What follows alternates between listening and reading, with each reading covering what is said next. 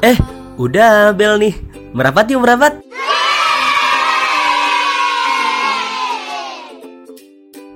Oke, halo. Balik lagi bersama saya, Maruf El Munir dalam podcast Pikir-Pikir Lagi. Jadi, untuk teman-teman yang baru saja bergabung dengan podcast Pikir-Pikir Lagi, podcast ini adalah podcast yang banyak membahas tentang kepemudaan, pengembangan diri, psikologi, dan juga kesehatan mental. Episode 28 beradaptasi dengan lingkungan baru. Di episode ini gue mau bahas tentang bagaimana caranya Untuk bisa beradaptasi dengan lingkungan baru.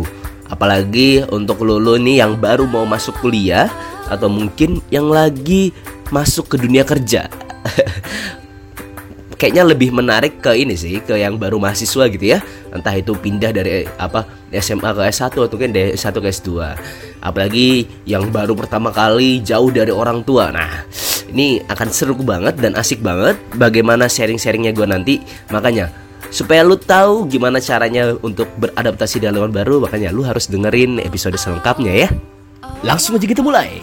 3 2 dan 1.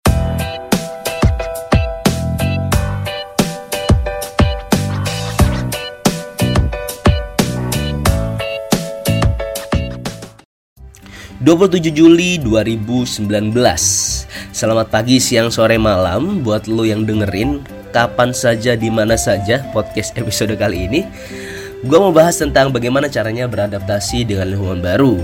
Di sini gue akan mulai Cerita latar belakangnya dulu. Jadi yang ngedorong gue untuk ngebuat podcast episode ini adalah Di masa-masa ini kan adalah masa di mana banyak mahasiswa baru.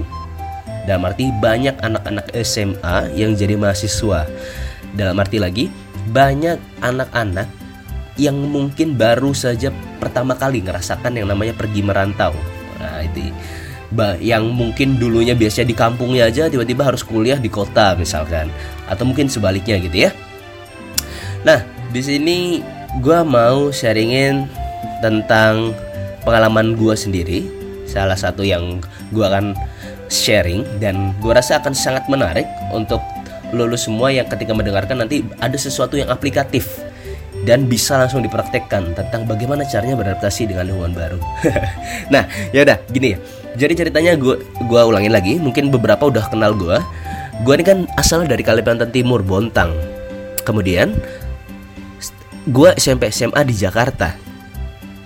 Dan selanjutnya saya berkuliah ini, gue berkuliahnya itu di Yogyakarta dari tahun 2014. Nah, yang paling gue rasakan dalam arti harus butuh effort yang luar biasa dalam beradaptasi adalah di Jogja ini. Kenapa? Gue kasih tau begini, gue itu kan SMP SMA-nya di boarding school ya di pondok. Ada satu hal yang yang sangat-sangat mempengaruhi gue. Pertama adalah dulu di pondok itu kan jelas ya gak, kita nggak pernah sekelas sama cowok cewek gitulah. Kita nggak pernah sekelas sama cewek. Nggak pernah sama sekali kan selama enam tahun.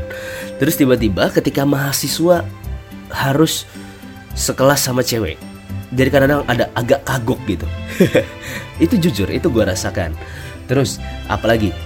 Gue itu terbiasa di Jakarta lu gue ya jelas saya ya karena di Jakarta lu gue dan itu sudah sangat ke bawah ke mana-mana lu gua itu. Dan kalau lu tahu kalau lu ada berada di daerah-daerah uh, ya Jogja gitu ya termasuk yang gua tempati sekarang di beberapa tempat terutama di kampus gua kata-kata gua tuh adalah kata-kata yang asing. Dalam arti bisa dikatakan orang-orang yang pakai gua itu adalah orang-orang yang dikata bisa dikatakan sombong. Nyampe seperti itu. Jadi itu kemudian ada lagi seperti ini. Karena gue berasal dari Bontang kemudian kuliah apa SMP SMA di Jakarta gue ada berkuliah di kampus yang uh, sorry to say gue bisa bilang apa ya sosial ekonomi ya. Status sosial ekonominya kebanyakan mahasiswanya adalah menengah ke bawah. Jadi dulu pernah ada cerita gue itu kan make tab ya awal awal masuk mahasiswa pakai tab. Sebenarnya tab nggak tab nggak tab bagus. Tab tab Samsung yang dua itu tab 2 tuh masih jadul juga jadul jelek. Ya gimana ya? Tapi gue di situ sangat merasakan dalam arti kok banyak banget orang yang ngeliatin gue ini, ini bukan kepedean ya tapi gue ngerasa gitu. Walaupun memang di sisi lain gue mungkin agak mencolok ketika itu karena gue juga pakai headset besar itu. Tapi yang nggak besar besar banget sih headset biasa ya karena gue ya gitulah dan itu adalah sesuatu yang menjadi salah satu apa ya yang tadi gue bilang shock budaya tadi.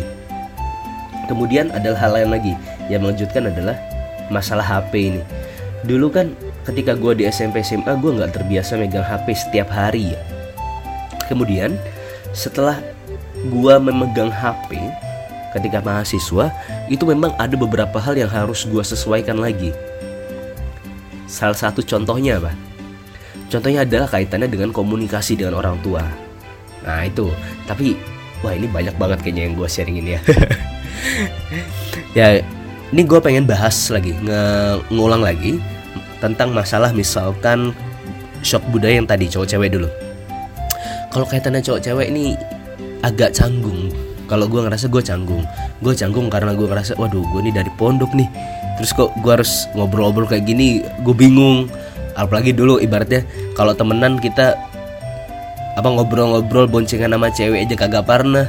Jarang banget gitu lah kalau misal terhitung. Terus tiba-tiba kalau udah jadi anak kuliah lu paham gak sih ya biasa lah ya kita berteman segala macam terus kita ah, seru-seruan ayo main bareng boncengan ke mana kan biasa gitu terus secara bahasa juga gitu secara bahasa lu gua lu gua terus tiba-tiba di sini sangat ya aku bilang jadi aku ya. Ya gue bilang cukup sensitif lah ketika menggunakan lu gua di di daerah ya di daerah ini di daerah Jawa gitu ya terutama ya Jawa Tengah, Jawa Timur tuh mungkin agak sensitif di tataran tempat-tempat tertentu lah. Kemudian kalau masalah status sosial ekonomi itu ya ya itu juga benar. Gini loh, gue tuh dulu pernah ingat banget juga uh, eh, gue sangat pilih-pilih. Saking ininya ya. Jadi gue pernah ke kampus itu mak ya biasa pakaian-pakaian rapi biasa sepatu Cuma kebetulan memang sepatunya baru ketika itu. Padahal ya bukan sepatu mahal juga. Sepatu KW KW KW banget lah, 180-an gitu. Nike 180-an. Terus ya gue ke kampus. Terus gue pakaian biasa aja. Terus sampai ada senior yang bilang, "Wah, gaya-gayaan banget tuh anak." Itu itu gue tahu betul. Tuh ada yang ngomongin gue gaya-gayaan. Terus gue mikir, "Wah, apa sih salah gue?" Persen gue biasa aja sampai-sampai tuh malah ada posisi di mana beberapa temen gue yang cowok itu sampai ngerasa gak pernah mau ngajak gue main. Hanya satu alasannya.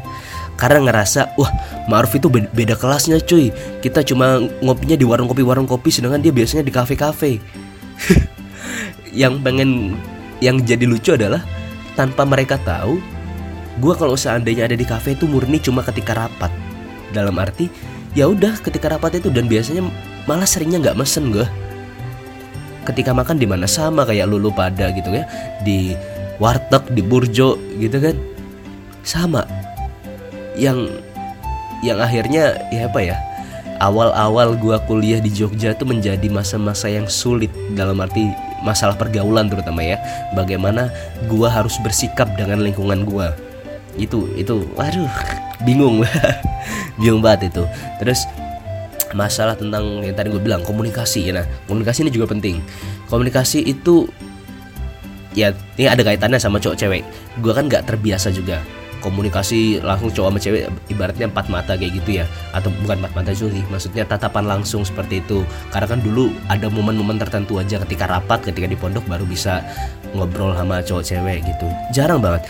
Terus ketika sekarang bisa setiap hari itu jadi satu. Terus kemudian dengan adanya HP tadi gue bilang dulu kan gue gue nggak terbiasa ini juga nggak terbiasa mengabarkan sesuatu ke orang tua apa segala macam karena memang di pondok ya biasa aja. Jadi kadang-kadang orang tua gue yang nelpon ustadznya baru ustadznya yang nanya nanya huruf ini ada telepon kayak cuma kayak gitu. Jadi gue juga dulu ngerasa ada masalah dengan diri gue di awal-awal itu.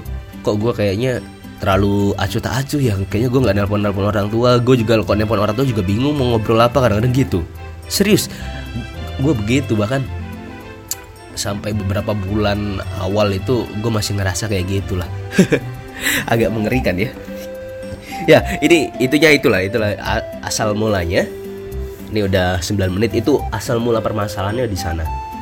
Nah, sekarang udah kaitannya dengan bagaimana sih caranya beradaptasi dengan lingkungan baru. Gue pengen ngasih tau dulu ke lulu pada masalah beradaptasi ini ada satu hal yang penting, yaitu kaitan dengan prasyaratnya supaya kita bisa beradaptasi. Bukan supaya kita bisa beradaptasi sih, lebih ke arah kalau lu mau beradaptasi, lu pastikan dulu lu punya semua ini. Ya, jadi ibaratnya prasyaratnya ini supaya kita bisa beradaptasi. Pertama adalah yang pasti kita punya dulu yang namanya value dalam diri atau mungkin ideologi. Ini jelas ya. Ini kaitannya dengan apa? Kaitan itu dengan seperti ini. Gue pernah bahas di podcast gue awal-awal tentang uh, mahasiswa adalah sasaran. Waspadalah. Nah itu, itu tentang bagaimana kenapa mahasiswa itu selalu menjadi inceran dalam doktrin-doktrin macam-macam. Nah kayak gitu. Makanya di sini gue bilang pertama kali ada adalah tahu betul bagaimana value ideologi, bagaimana tahu itu mana yang hak dan batil, benar salah, kayak gitulah. Terus yang kedua, kita pastikan betul lu punya pemikiran open minded. Open minded itu lu punya pemikiran yang yang gak kaku, lu bisa terbuka, terutama kaitannya dengan yang nomor tiga, gua tulis di situ menghargai perbedaan. Jadi pertama tadi apa? Punya value atau ideologi, kemudian punya pemikiran yang open mind, dan ketiga menghargai perbedaan. Nah, ini ini udah penting ketiga ini. Karena sangat rawan gitu ya kalau seandainya kita jadi orang yang beradaptasi akhirnya ideologi kita luntur. Ideologi ideologi kita luntur akhirnya kan ya ya nggak baik juga kan buat kita. Jadi tetap yang diutamakan adalah bagaimana baik juga untuk kita. Open mind jelas. Nih mungkin kapan-kapan lah gue bisa bahas dengan bintang tamu mungkin dengan siapa gitu. Bahas tentang open mind ini. Dan ketiga menghargai perbedaan. Nah sip ketiga itu sudah kelar baru lu boleh melangkah ke arah di mana bagaimana cara adaptasinya. Nah ini adalah teknik yang apa ya gue bilang unik lah unik untuk dilakukan. Dan tanpa gue sadari setelah gue observasi gue tulis jadi tiba ih kayaknya emang ini yang selama ini gue lakukan setiap gue ke tempat baru, komunitas baru, lingkungan baru, daerah baru, ini pasti ini yang gue lakuin. Jadi pertama adalah yang jelas ya mengenali lingkungan. Satu ya ditulis aja deh kalau mau mengenali lingkungan dengan cara apa? Diobservasi. Nah ini yang jadi penting adalah tentang apa saja nih yang harus diobservasi. Yang pasti ya kalau masalah mengobservasi lingkungan itu jelas masalah karakternya, karakter lingkungannya seperti apa terus setelah karakter lingkungannya kemudian yang tadi gue udah bilang masalah pergaulannya misalkan pergaulan cowok-cowok cowok-ceweknya seperti apa terus masalah bahasanya seperti apa terus masalah uh, apa nongkrong-nongkrongnya misalkan dalam dunia pertongkrongannya seperti apa kemudian dalam masalah sosial status sosial ekonominya seperti apa. Jadi bener-bener lu harus kenali lingkungan sedalam-dalamnya. Nyampe tataran yang tadi gue bilang status sosial ekonomi status ya mungkin uh, apa namanya status pendidikannya juga siapa tahu. Kalau misalkan lu ada kayak misalkan di tempat KKN gitu ya itu itu juga itu juga ngaruh tuh. Oh iya tuh ada kenapa nggak gua ngebahas ya KKN ya? Oh nggak apa-apa lah. Ini bisa lah. Gue yakin lu pinter dan gue yakin lu bisa lah meng mengimplementasikan hal-hal kayak gini di berbagai situasi dan kondisi. Oke ingat ya pertama adalah mengenali lingkungan. Diobservasi dikenali dari berbagai karakteristik. Karakteristik lingkungannya karakteristik so status ekonominya bahasanya terus tadi kalau gue bilang apa status pendidikannya dan segala macamnya. Itu itu sudah yang harus menjadi apa ya Kit, nah oh bukan deh. Pertanyaannya sekarang gini deh. Pertanyaannya adalah kenapa kita harus mengenali sebegitu mendalamnya? Karena apa karena dalam sosial itu kan pasti ada namanya norma-normanya. Pasti ada suatu batasan-batasannya. Dan batasan tiap sosial itu jelas bermacam-macam ya tentunya ya. Jadi gue bisa bilang adalah gunanya dari kita mengenali lingkungan itu lebih ke arah bagaimana kita bisa tahu batasan-batasan dan kita juga mulai punya pandangan kira-kira kita harus seperti apa kalau seandainya ada di lingkungan ini. Nah itu ya lebih ke arah sana. Dan kedua caranya adalah ini lebih kalau ini ini sebenarnya tergantung sih. Tapi kalau gue bilang yang kedua adalah modeling. Modeling adalah bagaimana kita meniru meniru orang lain. Meniru orang lain itu seperti ini. Ini ini baik baik case ya. Study case nya gini. Ya kalau tadi gue bilang gue adalah orang yang cukup apa kaget. Bukan cukup lagi kaget banget malah ketika harus menjadi mahasiswa yang terbiasa dengan pergaulan cowok cewek di kelas gitu-gitu. Itu gue agak kaget. Kemudian pas masa ospek gitu ya mahasiswa setelah gue mulai mengenali lingkungan gue mulai modeling gue jadi yang gue lakuin adalah apa? Gue ngeliatin teman-teman gue siapa saja yang kira-kira dia itu dirasa menjadi orang yang supel atau mungkin lovable banyak disukain sama teman-temannya banyak ditemenin sama teman-temannya itu dulu gua gua ini gua tandain lah orang-orangnya siapa aja ketika mahasiswa. Bahkan ya gimana ya intinya gini loh. Jadi kan gua ketika masuk baru gua sangat pendiam sangat observatif banget. Jadi gue benar-benar memperhatikan segala sesuatu ngeliat kanan kiri kanan kiri duduk di pojokan sendiri sebenarnya bukan karena gue introvert banget gue enggak. Biasanya biasa aja. Cuma karena memang lebih memilih untuk lebih baik gue observasi dulu. Itu sampai inget banget gue dibilangin sombong dulu. Wah sombong gaya-gayaan sok sok keren. Wah dulu macem-macem gue dibilangin. Kayak gitu. Terus yang tadi setelah gue bilang tadi uh, apa namanya? Oh ya itu. Masalah tentang nandain orang-orang yang dirasa sangat-sangat supel. Nah ketika gue kemarin mahasiswa gue itu kan yang paling gue agak kacau adalah masalah bagaimana gue komunikasi dengan lawan jenis. Jadi dulu gue belajarnya malah kebalikannya. Jadi dulu gue gue ngelihat satu orang cewek ketika mahasiswa ya ketika maba itu satu orang mahasiswa cewek yang dia itu sama cowok bisa asik banget dan dia bisa ngobrol dengan sesuatu yang enak banget dianggap sebagai seorang yang supel.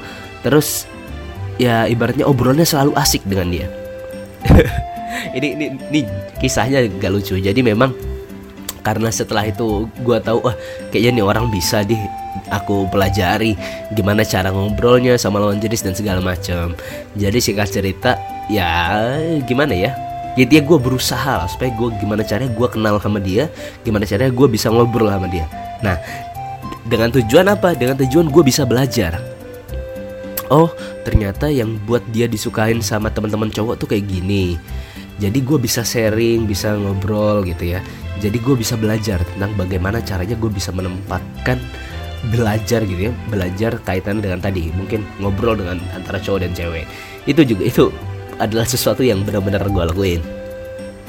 Bahkan nggak cuma itu ada tataran-tataran di cowoknya pun juga gue pelajari. Ada di ibaratnya biasa lah ya kalau cowok-cowok ada geng-gengnya dulu kan di awal kayak gitu ya gue sangat ngikuti gimana cara ber, cara bercandanya cara ininya itu gue ngikutin. Bahkan gue ngeliat oh dia tuh kalau bercanda gaya bercanda ya kayak gini. Oh kalau dia ngeliat kayak gini oh ini caranya kayak gini. Nah itu gue berusaha untuk mengikuti gue modeling gue ikutin. Bahkan ini ini yang jadi menarik ya. Kalau tadi gue bilang masalah komunikasi sama orang tua sampai sekarang gue jujurnya masih sangat suka belajar. Sangat suka belajar dalam arti apa? Dulu ketika di awal mahasiswa gitu ya mungkin bisa dibilang ya gimana ya gue seringan nelpon itu ya kalau ya jujurnya seringan ya gimana ya nggak enak ngomongnya. Ya karena banyak kan minta duitnya aja ya nggak tahu udah kalau lu kayak gimana. Sama kayak gue apa enggak tapi kalau sama mungkin lu bisa sharing juga ke gue nah maksudnya gue, gue kayak gitu. Banyak banyak cuma minta duitnya doang atau mungkin ketika ditelepon baru ya paling cuma sekedar naik kabar dan segala macem. Dan gue mulai ngerasa gelisahnya ibaratnya gue ngerasa gue ada masalah dengan komunikasi sama orang tua tuh satu hal. Jadi karena setahun kemudian gue ada ketemu dengan seorang mahasiswa baru juga yang ketika gue kenal gue sering lihat dia tuh kok sering teleponan sama orang tuanya. Ah, ini menarik nih. Dan ketika telepon sama orang tuanya tuh selalu wajahnya ceria banget dan dia selalu tertawa senyumnya lebar banget dan akhirnya kalau lo tahu apa yang apa yang gue lakuin? Sama seperti tadi kaitan dengan mengobservasi tadi setelah gue observasi wah ini orang kayaknya bisa nih jadi seseorang yang bisa gue model dalam hal apa? Dalam hal komunikasi dengan orang tua. Jadi sengaja gue deketin niat awalnya adalah ya itu tadi supaya gue bisa belajar gimana sih caranya komunikasi yang baik dengan orang tua. Apalagi yang kita berjarak gitu ya. Nah itu itu gue belajar juga dari orang lain. Jadi sebenarnya banyak hal dari proses hidup gue yang gue pelajari juga dari orang lain kaitan dengan modeling tadi nanti kapan-kapan mungkin gue bisa bahas lebih lengkap tentang modelingnya. Tapi sederhananya kayak gitulah ya. Modelingnya tuh sesederhana. Lu kalau seandainya di lingkungan baru lu pahami ada nggak orang yang dalam lingkungan itu menjadi sosok buat lu? Mungkin lu kagumin atau mungkin tanpa lu kagumi tapi dia banyak dikagumi oleh orang di lingkungan itu. Nah coba lu belajar lu perhatikan gimana cara dia berbicara, gimana cara dia bergaul, gimana caranya dia memperlakukan cowok, gimana caranya memperlakukan cewek, gimana caranya mereka dalam berteman, gimana caranya mereka misalkan dalam grup WhatsApp. Nah, itu semua lu coba lu pelajari supaya nanti lu bisa menentukan kira-kira lu harus bersikap seperti apa. Nah, kemudian yang ketiga itu kaitannya tentang ini segala sesuatu tuh ada tempatnya jadi kaitannya dengan ini lu harus tahu betul gimana caranya uh, apa ya ibaratnya gini suatu lingkungan itu ada yang makro dan mikro. Dalam arti gini di lingkungan gua di Jogja itu secara umum oke okay lah Jogja gitu ya tapi nggak bisa disamaratakan jadi tetap segala sesuatu ada tempatnya. Yang yang gue maksud adalah gini ketika gue berada di kampus gue di UIN Jogja gitu gue sangat terbiasa bahkan tiba-tiba berubah bahasa gue jadi aku kamu. Tapi di sini kan ada juga teman-teman gue dari Jakarta dari Pondok. Jadi ketika gue masuk kontrakannya ketika gue ngumpul otomatis juga akan berubah jadi lu gue eh hey, lu apa kabar? Ketika ke Win Win Jogja eh kamu gimana kabarnya? Nah ada sesuatu yang memang harus kita sesuaikan. Yang menjadi topik menarik kan adalah kayak gini. Gue inget banget, gue dulu pernah ditanya, loh, bukannya kita harus jadi diri kita apa adanya ya? Iya, memang kita harus jadi diri kita apa adanya. Tapi meniru orang lain itu bukan berarti kita menghilangkan jati diri kita, bukan. Tapi kita tetap menentukan mana yang terbaik buat diri kita. Ibaratnya itu adalah apa ya ya sebagai pembelajaran juga buat diri kita. Karena diri kita kan jelas diri kita bukan diri yang sempurna. Ibaratnya kalau dalam Islam tuh gini ya Rasulullah itu kan diperintahkan untuk memperbaiki ahlaknya. Memperbaiki ahlak manusia kan gitu maksudnya untuk sebagai contoh suri tauladan Rasulullah. Dan kita sebagai umatnya yang teman-teman ini ya teman-teman Islam akhirnya kita mencontoh siapa? Mencontoh Rasulullah. Mungkin teman-teman yang Kristiani mencontoh siapa? Mencontoh Yesus. Mungkin teman-teman agama lain mungkin mencontoh Mahatma Gandhi dan lain sebagainya. Kita ini hidup dalam tataran itu sebenarnya, tataran modeling. Kita memodel siapa? Bahkan ketika lahir pun kita juga memodel, memodel siapa? Memodel orang tua kita memodel orang-orang terdekat kita, memodel sahabat kita, memodel teman kita, guru kita dan segala macamnya. Nah, yang pengen gue sadarin adalah kenapa gue tempatkan dalam posisi yang penting di tataran modeling ini? Karena modeling ini yang paling baik buat diri kita adalah saat kita sadari kita sedang memodeling orang lain. Kita sedang mengikuti orang lain. Jangan sampai karena kita, karena tiba-tiba kita ada di suatu lingkungan yang buruk tiba-tiba kita jadi buruk tanpa kita tahu. Tanpa kita pengen berubah jadi sesuatu yang buruk kita udah buruk duluan karena kita ada di sana. Nah makanya di sini aku sangat menyarankan dan gue sangat menyarankan supaya lu memilih betul-betul model lu siapa, role model lu siapa. Karena apa? Itu yang akan menjadi contoh lu dan menjadi arah tujuan hidup lu. Nih, ini jadi penting ya. Nih sorry kayaknya gue nggak tahu di kedengeran azannya apa enggak, tapi gue mohon maaf kalau gue lanjutin karena ini kalau misalnya gue putus, sepertinya gue akan lupa. Terus ini adalah hal-hal yang menarik ya, hal yang menarik kaitannya terakhir dengan ini misalkan gini kalau dalam uh, lagu Tombo Ati gitu ya kalau teman-teman yang Islam ada yang namanya berkumpullah dengan orang soleh. Berkumpullah dengan orang soleh itu kan kaitannya juga sebenarnya adalah di tataran modeling bagaimana supaya kita tuh sampai menginternalisasi nilai-nilai orang-orang soleh itu masuk ke dalam diri kita Nah, makanya sampai di tataran bagaimana beradaptasi dengan lingkungan baru itu kaitan dengan tadi mengenali lingkungan. Yang tadi gue bilang di awal malah tentang ideologi tadi, tentang benar salah. Jangan sampai kita mau beradaptasi dengan lingkungan yang jelas-jelas nggak baik buat diri kita. Nah ini ini adalah sesuatu yang salah. Jadi benar-benar kita harus tahu betul karakterik karakteristik dari lingkungan itu. Oke? Ini kayaknya sudah sudah cukup lah ya perlu gua ini nggak? Perlu gua ulang nggak ya?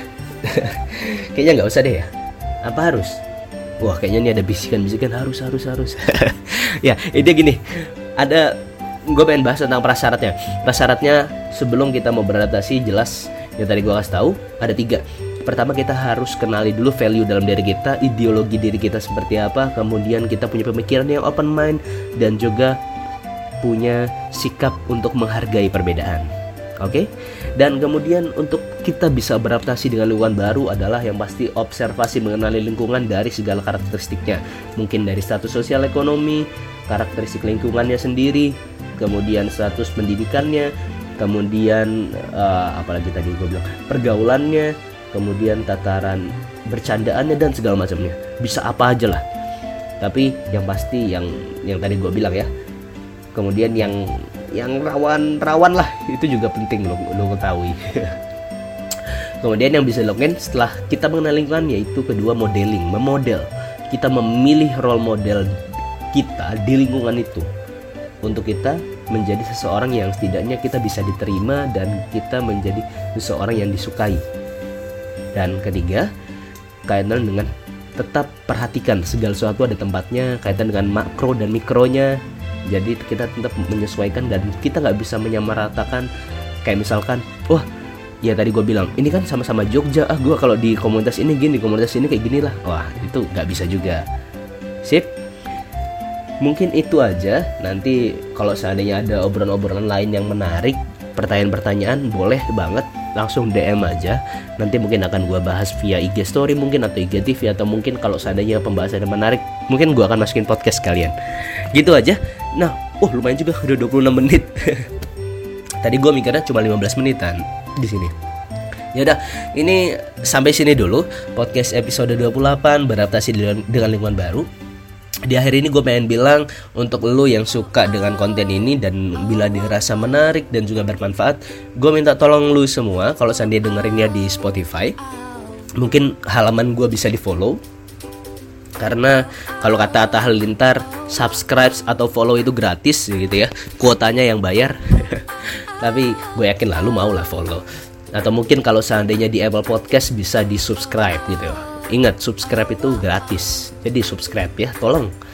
Dan kalau seandainya teman-teman lu yang berbaik hati gitu ya berkenan boleh banget dikasih bintang tuh kalau seandainya di Apple Apple Podcast. Kasih bintang dikasih review. Sip begitu aja. Sampai jumpa di podcast pikir-pikir lagi episode selanjutnya. Jangan lupa mikir hari ini. Udah kayak Anji ya jangan lupa senyum hari ini. Ah udahlah gitu aja. Dadah